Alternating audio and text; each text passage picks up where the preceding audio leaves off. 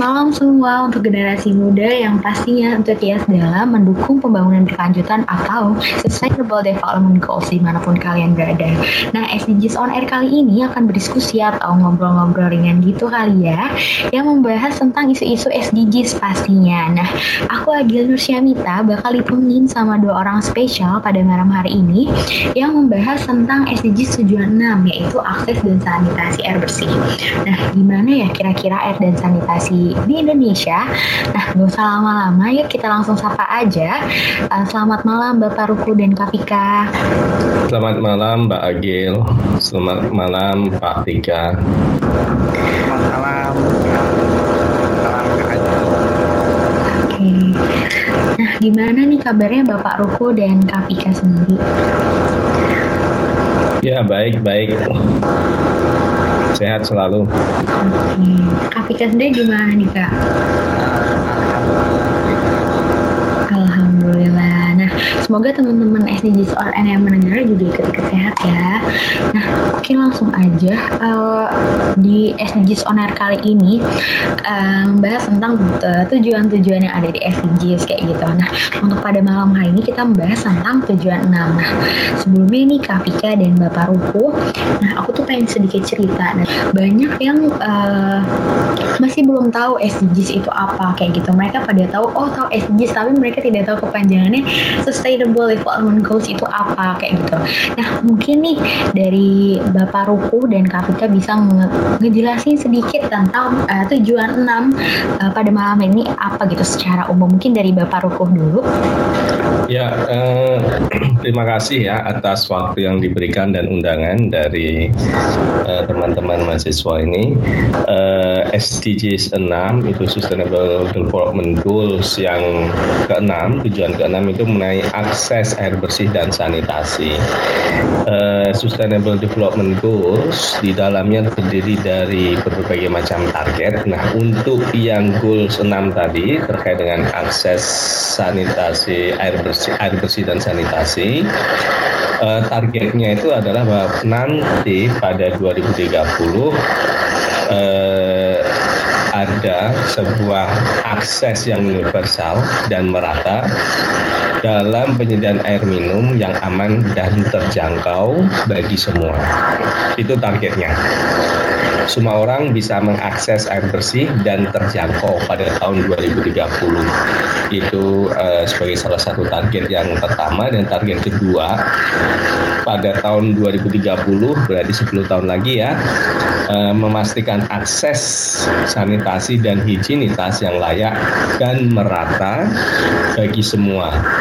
Dan diharapkan sudah tidak ada lagi praktek buang air besar secara terbuka ya. Mau di sungai atau di tanah di mana pun uh, dan kemudian di dalamnya harus memberikan perhatian kepada kebutuhan wanita dan perempuan dan mereka yang berada pada situasi yang rentan itu dua tujuannya walaupun masih ada tujuan-tujuan yang lain terkait dengan efisiensi penggunaan air dan sebagainya jadi oh semua orang bisa akses uh, air bersih dan sanitasi yang layak kurang lebih seperti itu.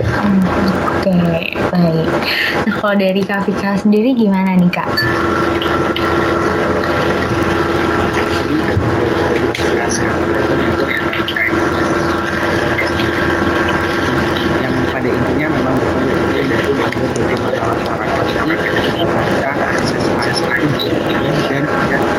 Ke depannya tidak ada yang namanya kelangkaan air bersih. Masyarakat mendapatkan air bersih dan tentunya harus didukung dari cara kita itu saja dari saya tambahkan Oke. Nah, uh, tadi kan juga sudah dijelaskan gitu ya uh, oleh Bapak Ruku dan Kak juga. Nah, dalam isu pada malam hari ini nih dari target tujuan 6 yang ada, kira-kira uh, masuk dalam target yang berapa nih uh, Bapak Ruku? Untuk pertanyaan Bapak Ruku. Ya, ya, saya rasa kalau eh, dalam tujuan 6 ini target yang bisa kita yang relevan saya rasa target 61 ya. Memastikan bahwa akses universal dan merata dalam penyediaan air minum uh, air minum di sini adalah termasuk di dalamnya adalah air bersih ya. Iya. sehingga uh, dalam situasi covid ini mereka memiliki akses untuk kegiatan uh, higienitas ya. Dan kalau pada masa pandemi covid ini salah satu cara untuk kita uh, membebaskan diri dari virus kan kita harus apa namanya selalu prokes. Salah satunya air menjadi kebutuhan yang utama. Jadi kalau dibilang target mana yang relevan itu adalah target uh, eh, 6.1 ya. Semuanya bisa mengakses air ini ya.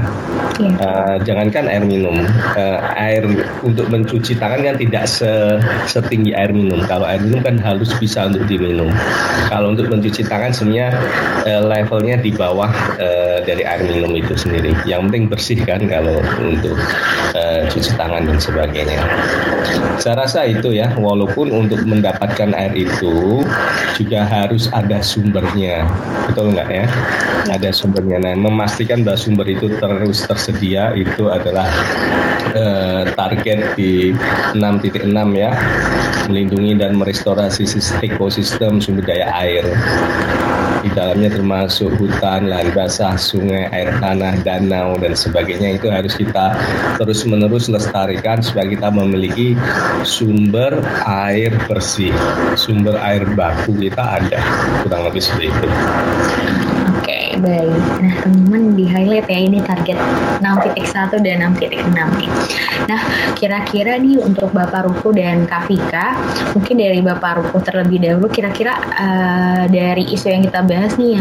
Uh, saya kan banyak baca juga uh, ternyata di pandemi ini malah justru terjadi krisis air bersih gitu. Nah, kira-kira apa sih Pak yang melatar belakangi uh, krisis uh, air bersih di tengah pandemi ini menurut pandangan Bapak?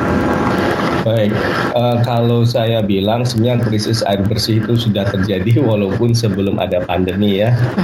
Uh, kalau kita anggap bahwa krisis adalah kekurangan air ya, uh, masyarakat tidak bisa mengakses kebutuhannya atau kalau meng, bisa mengakses dia harus menjangkaunya dengan susah payah, misalkan harus dengan membayar yang uh, tinggi yang, mengakibatkan uh, tambahan pengeluaran dari kegiatannya, uh, dari pendapatannya kurang lebih seperti itu. Nah, eh, dengan adanya pandemi semakin menambah eh, beban mereka karena kebutuhan airnya meningkat kan. Eh, yang tadinya cuci tangan mungkin sebelum dan setelah makan, sekarang setiap selesai ketemu orang kemudian start memegang sesuatu dia harus eh, cuci tangan. Tidak hanya dia tapi eh, lembaga-lembaga yang akan uh, dia datangi juga harus menyediakan air untuk mencuci tangan. Jadi itu krisisnya dari situ. Termasuk juga sebenarnya kalau kita sadari bahwa ketersediaan air bersih itu mungkin kalau bagi beberapa orang mungkin mereka berpikir melimpah ruah ya, tapi sebenarnya jumlahnya hanyalah air yang bisa kita gunakan itu hanyalah satu persen yang ada di permukaan bumi ini. Karena 99 persennya adalah air laut. Persen tadi yang bisa dimanfaatkan secara langsung itu setengahnya atau 0,5 persen saja karena yang eh, setengah persen lainnya masih dalam bentuk eh, gletser ya beku ya belum bisa kita pakai kurang lebih seperti. Nah itu krisisnya di situ. Yang kedua juga kebutuhan manusia menyebabkan krisis itu sendiri. Air tidak kita gunakan hanya untuk minum, uh, menyiram tanaman, tetapi air juga dijadikan sebagai sarana untuk produksi pertanian, produksi di kegiatan industri sehingga eh, kegiatan-kegiatan itu juga membutuhkan air. Mereka haus akan air juga sehingga itu salah satu penyebab kita semakin lama semakin uh, menuju ke kondisi kritis. Kemudian mungkin dari awalnya masalah itu bisa diatasi ya dengan teknologi orang bisa mengambil air eh, beberapa meter di bawah tanah, kemudian teknologi membuat kita bisa mengambil air ratusan meter di bawah tanah sehingga bisa didistribusikan ke tempat-tempat yang lain, tetapi lama-lama itu juga akan eh, keseimbangannya juga akan eh, terganggu sehingga permukaan air tanah bisa turun menerus dan kemudian rongga rongga-rongga yang ada di bawah tanah ini membuat tanah kita turun sehingga ada isu land subsidence ya dan uh, ketersediaan air tanah semakin lama semakin berkurang juga karena dia tidak bisa memperbarui dirinya sendiri karena eksploitasi yang cepat. Jadi itu uh, penyebab krisis ya di samping ketersediaannya dan penggunaannya menyebabkan kita mengalami kondisi semacam ini. Uh, Oke, baik. Uh, nah, uh, tadi uh, itu menurut Bapak. Nah, dari pandangan uh, Kak sendiri gimana nih Kak? Mengapa di pandemi ini peningkatan krisis air bersih meningkat kayak gitu?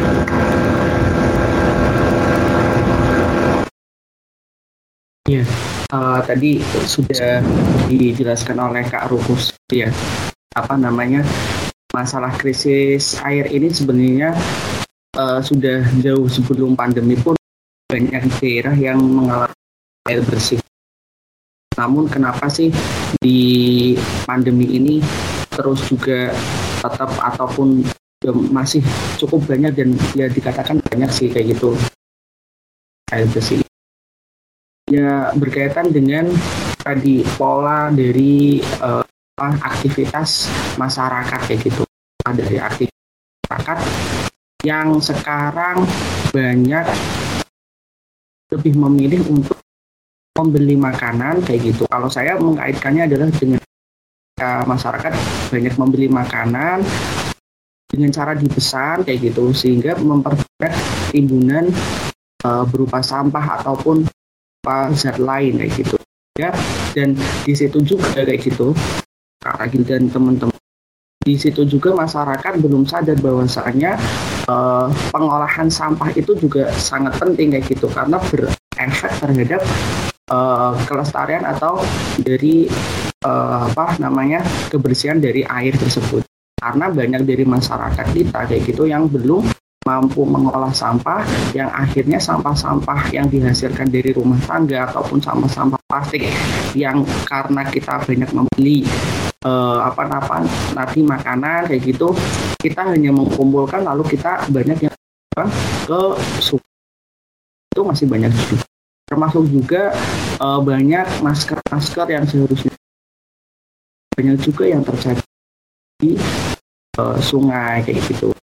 Tambah tadi yang sudah diungkapkan oleh Bapak Ruko berkaitan dengan uh, tentang protokol kesehatan di mana kita ketika bertemu dengan orang lain atau ketika kita akan masuk ke rumah rumah terus habis mungkin sedikit bersalaman kayak gitu.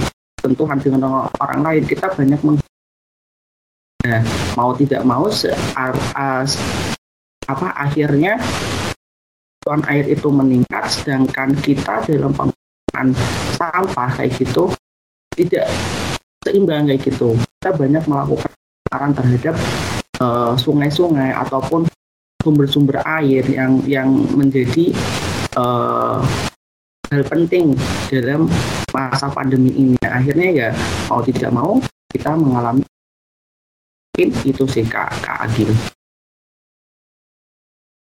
Oke, okay, baik. Nah, uh, tadi kan uh, sempat dikutip juga nih, uh, emang krisis air bersih itu ternyata sudah ada dari zaman uh, dahulu gitu dari bapakku dan Kak Fika tadi. Nah, kira-kira uh, apa sih uh, yang uh, terjadi gitu? Kalau semisal uh, air bersih ini terus berkurang, bahkan nanti sampai mungkin jumlahnya sedikit atau mungkin tidak ada kayak gitu. Kira-kira apa nih yang terjadi Bapak Ruko dan Kak Fika? Mungkin dari Bapak Ruko dulu kali ya. Baik, uh, air itu kan kebutuhan vital ya uh, bagi semuanya. Jadi kalau tidak ada air tentunya akan tidak ada kehidupan. Itu kondisi yang paling ekstrim ya. Kalau air semakin langka maka tidak ada. Uh, yang Anda bisa bayangkan manusia itu komponen pembentuk tubuhnya 60% itu air, yang lebih seperti itu sehingga kalau tidak ada air mungkin uh, kita tidak bisa menggantikan sumber air kita dari mana. Kalau tidak ada bensin kita bisa mengganti yang lain kan dengan bahan bakar yang lain. Tapi kalau tidak ada air, apa yang menggantikan air? Itu sulit sekali itu kondisi ekstrim. Kemudian yang kedua eh, dampaknya ke ekonomi karena sebenarnya kalkulasinya kurang lebih 70% eh, air bersih yang ada di planet ini pergi untuk kegiatan pertanian. Artinya kalau 70% air ini semakin langka maka kegiatan pertanian pun akan uh, terdampak ya. Artinya perekonomian masyarakat, pangan itu akan terdampak. Sektor industri itu sekitar 20% dan sisanya 10% untuk kebutuhan rumah tangga. Jadi uh, dampaknya kalau terjadi krisis, kesulitan mendapatkan air bersih maka yang terjadi adalah eh, dampak terhadap kegiatan ekonomi itu sendiri. Di dalamnya luas ya ada pangan dan sebagainya. Itu yang akan menjadi masalah. Kemudian bahkan beberapa ahli ya memprediksikan eh, yang namanya water war. Jadi perang karena rebutan air kurang lebih itu karena air ini menjadi interest semua pihak sehingga misalkan negara eh, air ya, seperti sungai yang melintasi beberapa negara ya ketika salah satu negara di daerah yang lebih atas gitu akan membuat waduk dam gitu ya uh, untuk menjaga sumber airnya terus-menerus ada untuk berbagai macam kegiatan pertanian, pembangkit energi, ini akan mempengaruhi negara-negara yang ada di bawahnya. Misalkan ketika China membuat uh, waduk itu, negara-negara di bawah Cina akan uh, di aliran sungai Mekong itu akan uh, terganggu ya ke keles, uh, kelestarian atau keberlanjutan sumber daya airnya. Jadi itu isu-isu yang akan diperkirakan menjadi uh, masalah ke depan. Nah tadi dari dampak sumber air, dampak ekonomi banyak. Nah dari pandangan Kak sendiri gimana nih Apa apa yang terjadi misal misal memang tidak adanya air bersih?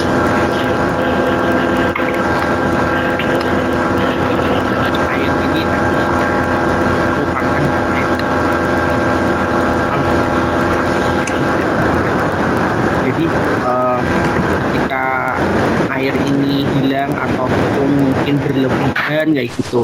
Berlebihan karena karena uh, tapi kualitasnya tidak baik juga akan merugikan manusia. Jadi air ini ketika terlalu banyak itu juga merugikan manusia. Ketika kurang itu juga merugikan manusia. Mungkin ketika banyak adalah ketika musim penghujan ini kita sedang akan menghadapi dan ketika masyarakat ini tidak siap dengan uh, apa namanya dan kondisi penghujan ini maka akan mengakibatkan banyak nantinya di daerah-daerah itu mengalami bencana air banjir kayak gitu. Dan tentunya ketika banyak air banjir ini akan juga mempengaruhi kualitas air juga air bersih juga kayak itu ketika terlalu banyak juga mempengaruhi uh, apa namanya mempengaruhi aktivitas manusia. Dan ketika kekurangan tadi juga uh, sudah diungkapkan oleh Bapak itu berkaitan dengan uh, kondisi tubuh bahwasanya tubuh manusia itu antara memang antara yang antara perempuan dan laki-laki itu banyak perempuan kayak gitu ya. Nah, selain itu juga aktivitas peribadatan kayak gitu aktivitas peribadatan mungkin di ketika di yang agama Islam kayak gitu sangat uh, berpengaruh sangat ter, apa terpengaruh terhadap air ini juga. Ketika ingin melaksanakan uh, sholat kayak gitu juga. Ketika kekurangan air kayak gitu ataupun tidak ada air bersih ya akhirnya juga akan mengganggu terganggu ibadat pun di agama-agama yang lain kayak gitu air juga menjadi yang uh, penting dalam proses pribadi. Jadi selain untuk kesehatan itu juga akan terpengaruh, ekonomi tadi yang diungkapkan oleh Pak Ruku juga sangat berpengaruh, juga terpengaruh, proses-proses peribadatan pun akan terpengaruh ketika uh, terjadinya krisis air yang melanda dunia. Kayak gitu Kak Agil. Oke okay, baik. Nah nih teman-teman pendengar SDGs on Air, ini bisa digaris di garis bawah ini banyak nih pentingnya air bersih apa aja tadi uh, dari tubuh dan tadi dampak ekonomi juga ikut uh, masuk jika tidak ada air bersih ini dan tadi proses-proses peribadatan. Nah mungkin nih buat Bapak Ruku Pak dari Undip sendiri, uh, apakah sudah ada upaya dalam mendukung tujuan 6 ini gitu?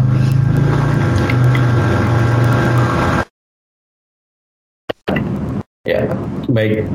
Kalau dari Undip uh, ada ya, uh, kita memiliki SDG Center, Sustainable Development Goal Center Undip ini memiliki sejumlah uh, kegiatan ya yang terkait dengan uh, upaya untuk mengevaluasi bagaimana kontribusi kita.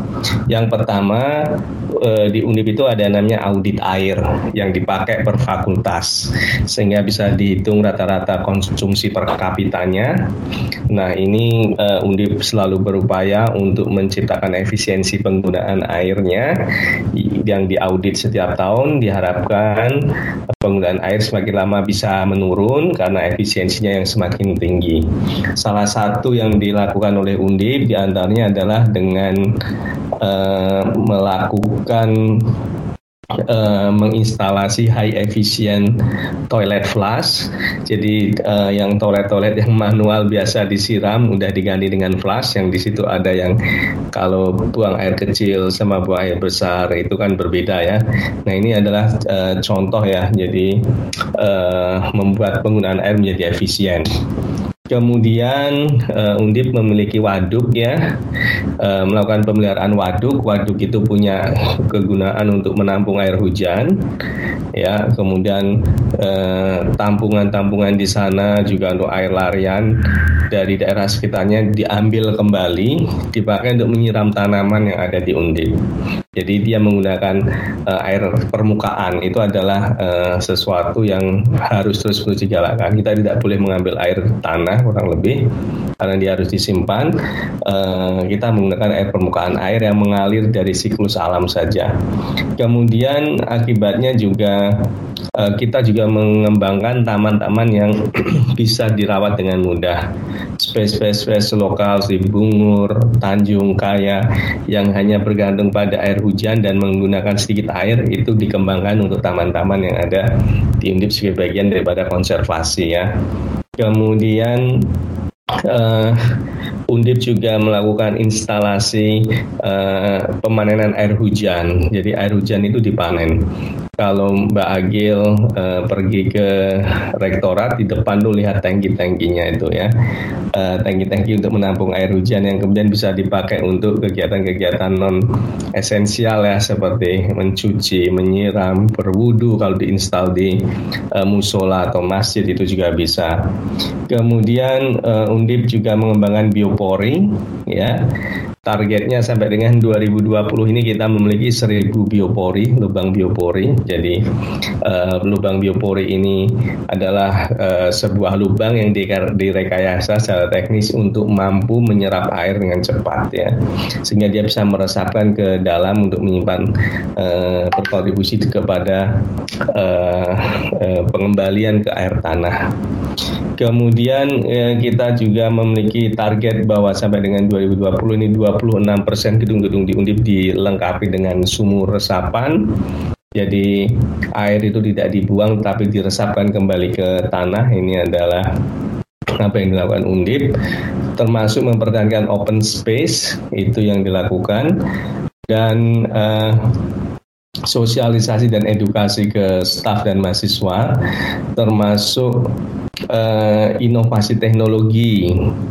Kalau di Undip itu ada MERCI, MERCI itu semacam research center, singkatan dari Membran Research Center (MC). Di sana eh, dikembangkan teknologi untuk pengelolaan air ya, uh, kemudian reverse osmosis, ultrafiltration uh, yang bisa digunakan untuk pengolahan air limbah industri, desalinasi air laut. Itu ada semuanya yang dikembangkan oleh Prof Heru ya yang uh, beliau saat ini wakil rektor dua ya. Uh, ini uh, sebagai yang mengepalai uh, riset center tersebut ya.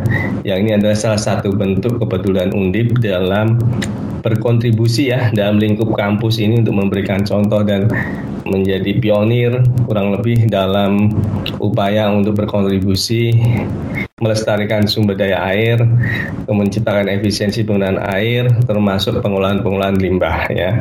Jadi limbah-limbah yang ada di Undip juga dikelola ya dengan teknologi yang ada dan diminimasi uh, dampaknya ke uh, air-air permukaan ya badan-badan air yang lain kurang lebih itu yang sudah dilakukan oleh Undip ya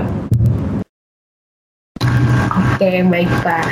Saya uh, jujur dari Mas Wanguk malah baru tahu nih Pak banyak hal-hal yang udah uh, undip kontribusi untuk SDGs 6 ini. Dan so saya juga undip uh, Green Campus juga ya Pak. Salah satu penelitian itu berkontribusi dalam pendukung SDGs ini betul ya Pak ya?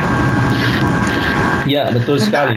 Itu bagian pada uh, Green Campus. Oke, okay. nah mungkin terakhir nih untuk Bapak Ruko dan Kak uh, ngobrol-ngobrol dengan kita seputar SDGs pada malam hari ini. Nah, uh, tadi kan emang memang banyak sekali ya dampak penyebab dari uh, krisis air bersih ini. Nah, boleh uh, dari Pak Ruko dan Kak juga uh, contoh nih perilaku sederhana uh, dalam mendukung uh, tujuan 6 ini dan juga uh, apa sekiranya hal-hal uh, yang bisa mencegah uh, dari isu-isu yang kita bahas pada malam hari ini. Mungkin dari Kafika terlebih dahulu. Ya, hal yang kita lakukan sederhana adalah uh, bagi teman-teman yang mungkin beragama Muslim ya, yang beragama Islam, kita bisa melakukan gerakan di air ketika berwudu. Jadi, uh, ketika berwudu tidak membuka keran terlalu lebar gitu. Tengah yang air mengalir itu hal yang air ini. Ketika, uh, ketika kita mandi atau uh, buang air ya kita tidak menggunakan cara banyak atau ketika mandi tidak terlalu lama di kamar mandi. Kita tidak menggunakan uh, air terlalu banyak dan hal-hal yang kecil yang bisa gerakan-gerakan pembersihan bantaran sungai atau kan untuk menanyakan masyarakat agar lebih terhadap kondisi kayak gitu. Karenanya uh, Indonesia ini negara yang curah hujannya cukup banyak kayak gitu ya, intens sehingga ketika kita tidak mempersiapkan sedini mungkin kayak gitu nantinya akan kewalahan ketika uh, musim penghujan itu datang. Seperti halnya kemarin, jadi teman-teman koalisi pemuda Indonesia bersama dari gerakan Clean Up Day dan gerakan-gerakan dari uh, organisasi lain juga memperhati uh, apa namanya gerakan WCD ya WCD untuk melakukan bersih-bersih bantaran sungai ataupun bersih lingkungan dari sampah agar uh, menyiapkan diri musim penghujan ini. Ya, nantinya ketika musim penghujan ini kita tidak mengalami banjir dan pun kalaupun banjir tidak ada sampah yang mengotori atau mencari air bersih. Mungkin itu hal-hal kan secara pribadi maupun dari organisasi Oke, baik. Terima kasih banyak nih Kak Vika. Nah, dari Bapak Ruko sendiri gimana Pak? Contoh perilaku sederhana yang bisa dilakukan teman-teman pendengar uh, dalam mendukung tujuan 6 ini atau terkhusus isu ini. Ya, ya, baik. Terima kasih. Uh, perilaku sederhana yang bisa dilakukan untuk mendukung SDGs 6 ya. Uh, saya rasa banyak sekali. Yang pertama nih, kalau ini mahasiswa misalkan teman-teman mahasiswa ini mendengar misalkan khususnya di Undip uh, silahkan kalau anda punya apa ide bisa dibuat proposal dan kemudian disampaikan ke SDG Center. Nanti kita akan bantu bagaimana untuk mengimplementasikan gagasan tersebut. Uh, misalkan nih uh, biopori, Anda punya uh, tim dengan uh, kelompoknya, misalkan kelompok apa gitu ya, eh, bisa membuat biopori atau ingin membuat biopori, kita akan memfasilitasi proses uh, apa namanya peralatan dan sebagainya.